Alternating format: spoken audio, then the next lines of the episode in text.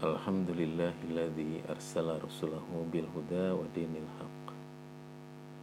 Liyudhirahu ala dini kulli wa kafa billahi syahida wa asyhadu an la ilaha illallah wa asyhadu anna muhammadan abduhu wa rasuluhu alladzi la nabiyya ba'dah amma ba'd. Iwatu iman rahimakumullah. Alhamdulillah di pagi hari ini kita masih diberi kesempatan mudah-mudahan juga dengan kesehatannya. Oleh Allah Subhanahu wa taala. Dan mudah-mudahan keberadaan dua nikmat tadi mampu kita optimalkan dalam takorub kita kepada Allah Subhanahu wa taala tema kita masih lanjutan di minggu lalu. Dalam sebuah hadis yang diriwayatkan oleh Imam At-Tirmidzi, Sufail Al-Asbahi pernah datang ke Madinah. Lalu Sufail mendapati ada seorang laki-laki yang sedang dikerumuni oleh banyak orang. Lalu dia bertanya kepada orang yang berada di dekatnya. Siapa dia? kata Sufail. Orang-orang menjawab, dia adalah Abu Hurairah. Kemudian Sufail mengatakan, aku mendekat kepada Abu Hurairah sehingga aku duduk di hadapannya. Sementara dia terus menyampaikan hadis kepada orang-orang. Ketika dia telah selesai menyendiri, Aku berkata kepadanya, Wahai Abu Hurairah, aku mohon kepadamu dengan kebenaran dan dengan kebenaran. Anda belum menyampaikan kepadaku sebuah hadis yang ada dengar dari Rasulullah SAW, yang Anda pahami dan Anda ketahui. Kemudian Abu Hurairah menjawab, baiklah, sungguh aku akan menyampaikan kepadamu sebuah hadis yang telah disampaikan oleh Rasulullah kepadaku yang aku pahami dan aku ketahui. Kemudian Abu Hurairah menarik napas panjang, lagi berat, sampai hampir pingsan. Lalu aku diam, kemudian dia tersadar dan dia berkata dengan perkataan yang sama. Sungguh, kata Abu Hurairah, aku akan menyampaikan kepadamu sebuah hadis yang disampaikan oleh Rasulullah kepadaku pada saat aku dan beliau ada di rumah ini yang tidak ada orang lain selain aku dan beliau. Kemudian Abu Hurairah menarik napas panjang lagi dan berat.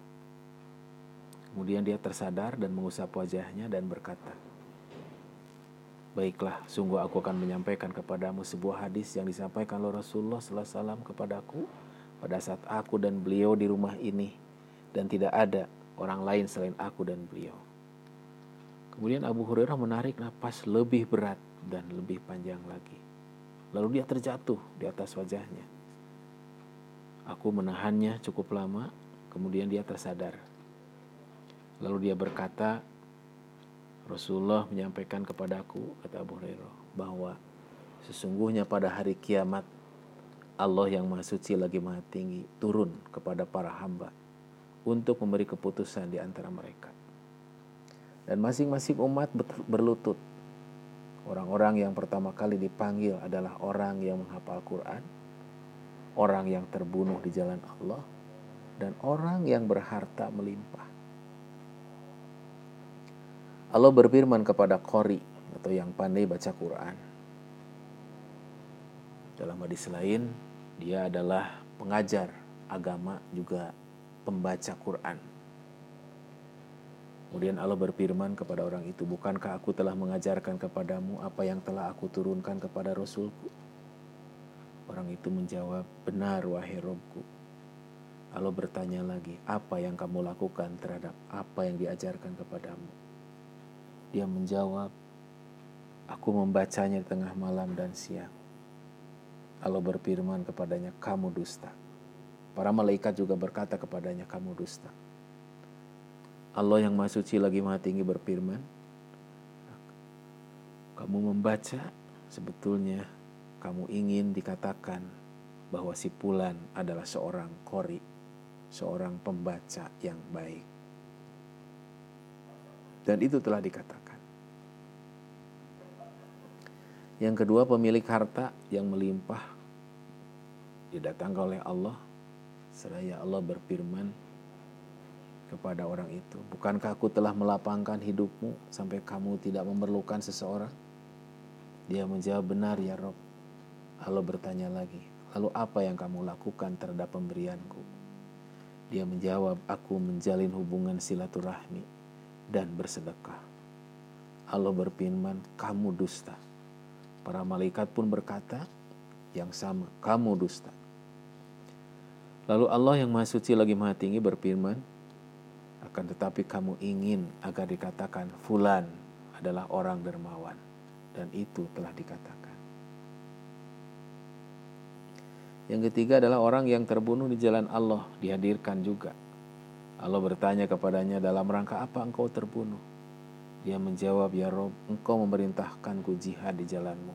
Lalu aku berperang sehingga aku terbunuh. Allah berfirman kepadanya, kamu dusta. Malaikat pun berkata kepadanya, kamu dusta. Allah berfirman, akan tapi kamu ingin agar dikatakan bulan pemberani. Dan itu telah dikatakan. Kemudian Rasulullah SAW memukul lututku. Lalu berkata, wahai Abu Hurairah, tiga orang itu adalah makhluk Allah pertama yang api neraka dinyalakan disebabkan mereka pada hari kiamat. Iwatu iman rahimakumullah. Dari riwayat ini menggambarkan yang pertama tentang bagaimana sikap Abu Hurairah ketika menyampaikan hadis ini. Mengisyaratkan betapa tidak mudahnya menjaga amal, menjaga hati. Karena tidak mustahil orang bangga dengan amal. Banyak jumlahnya, tapi ternyata ada intrik-intrik yang lain. Yaitu ingin mendapat gelar itu, gelar ini dari manusia. Dan ternyata itu bagian yang akan menghanguskan pahala amal baik kita. Oleh sebab itu, meluruskan jarum hati agar tetap istiqomah di jalannya, membangun keikhlasan itu adalah bagian penting yang harus terus kita jaga. Dalam hadis lain Rasulullah pernah ditanya, "Ya Rasulullah, bagaimana pandanganmu apabila ada orang yang berhijrah yang dia berharap keikhlasan atau ridho Allah dan juga berharap dunia. Apakah yang akan dia dapat? Rasulullah menjawab dia tidak mendapat apa-apa. Jadi menjaga keikhlasan lillah dalam sebuah amal itu adalah perbuatan yang tidak mudah dilakukan. Karena obsesi kehidupan selalu mengiringi sahwat kehidupan selalu mengiringi bareng dengan apa dengan amal apa yang kita dengan apa-apa atau amal apa saja yang kita lakukan. Jadi di sinilah pentingnya kita senantiasa muhasabah, introspeksi, apa yang kita lakukan selama ini sudahkah ada di jalur ikhlas ini? Sebuah realita yang harus kita hadapi. Tidak sedikit orang yang beramal tapi ternyata selalu diselipkan ada kepentingan-kepentingan dunia. salah seorang kiai dulu pernah berkecimpung di awal-awal berdirinya Persis malah dia pernah menjadi ketua satu di Persis sementara ketua umumnya waktu itu adalah Al Ustad Kiai Haji E Abdurrahman nah kiai ini pernah bercerita. Ya, saya pernah diundang, rumahnya ada di sekitaran Jalan Raja Wali. Dia diundang ke daerah Banjaran untuk pengajian. Setelah diundang dengan husnudon lah. Dari rumah dia tidak bawa uang karena memang tidak punya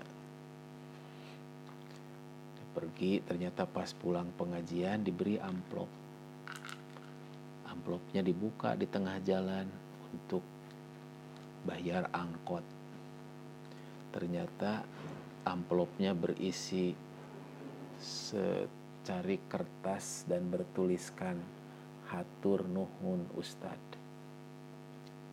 Bisa dibayangkan ya. Nah, dia akhirnya jalan kaki. Nggak bisa dibayangkan ya. Cukup jauh itu perjalanan. Bisa 2 sampai 3 jam. Pulang ke rumah.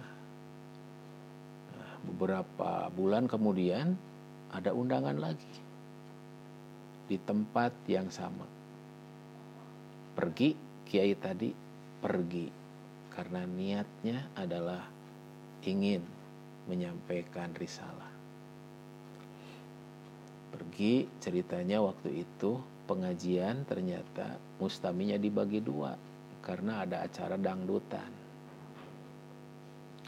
Sehingga beres pengajian panitia yang mengundang tidak bertemu. Tapi ayeuna mah hayang pengalaman tinu tahun tinu bulan kamari.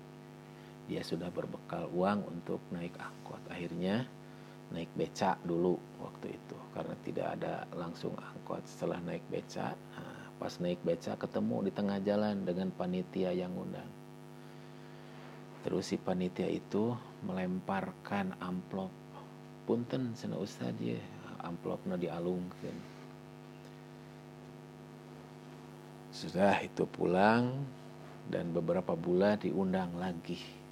Datang lagi, datang lagi.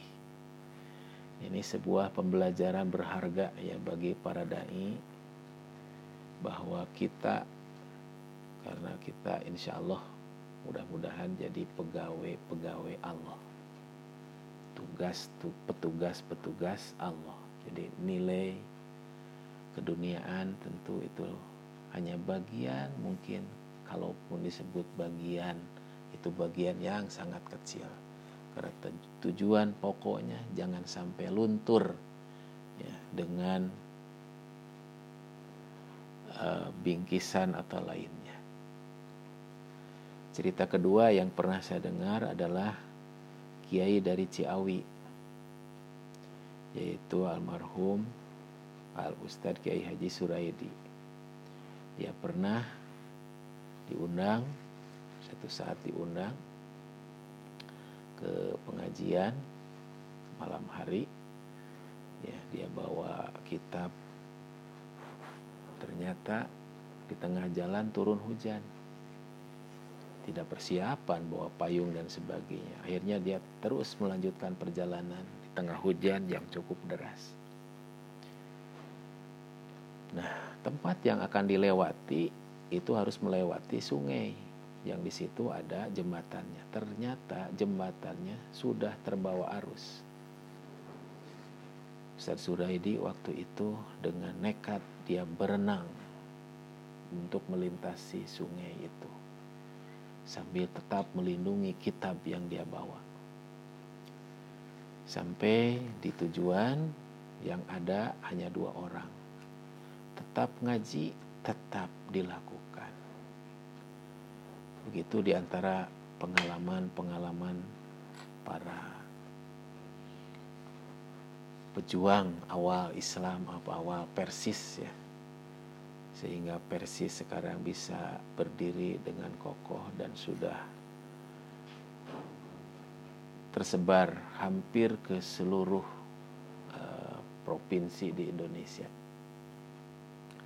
Karena Persis dulu diperjuangkan oleh orang-orang yang memang membangun dirinya dengan keikhlasan.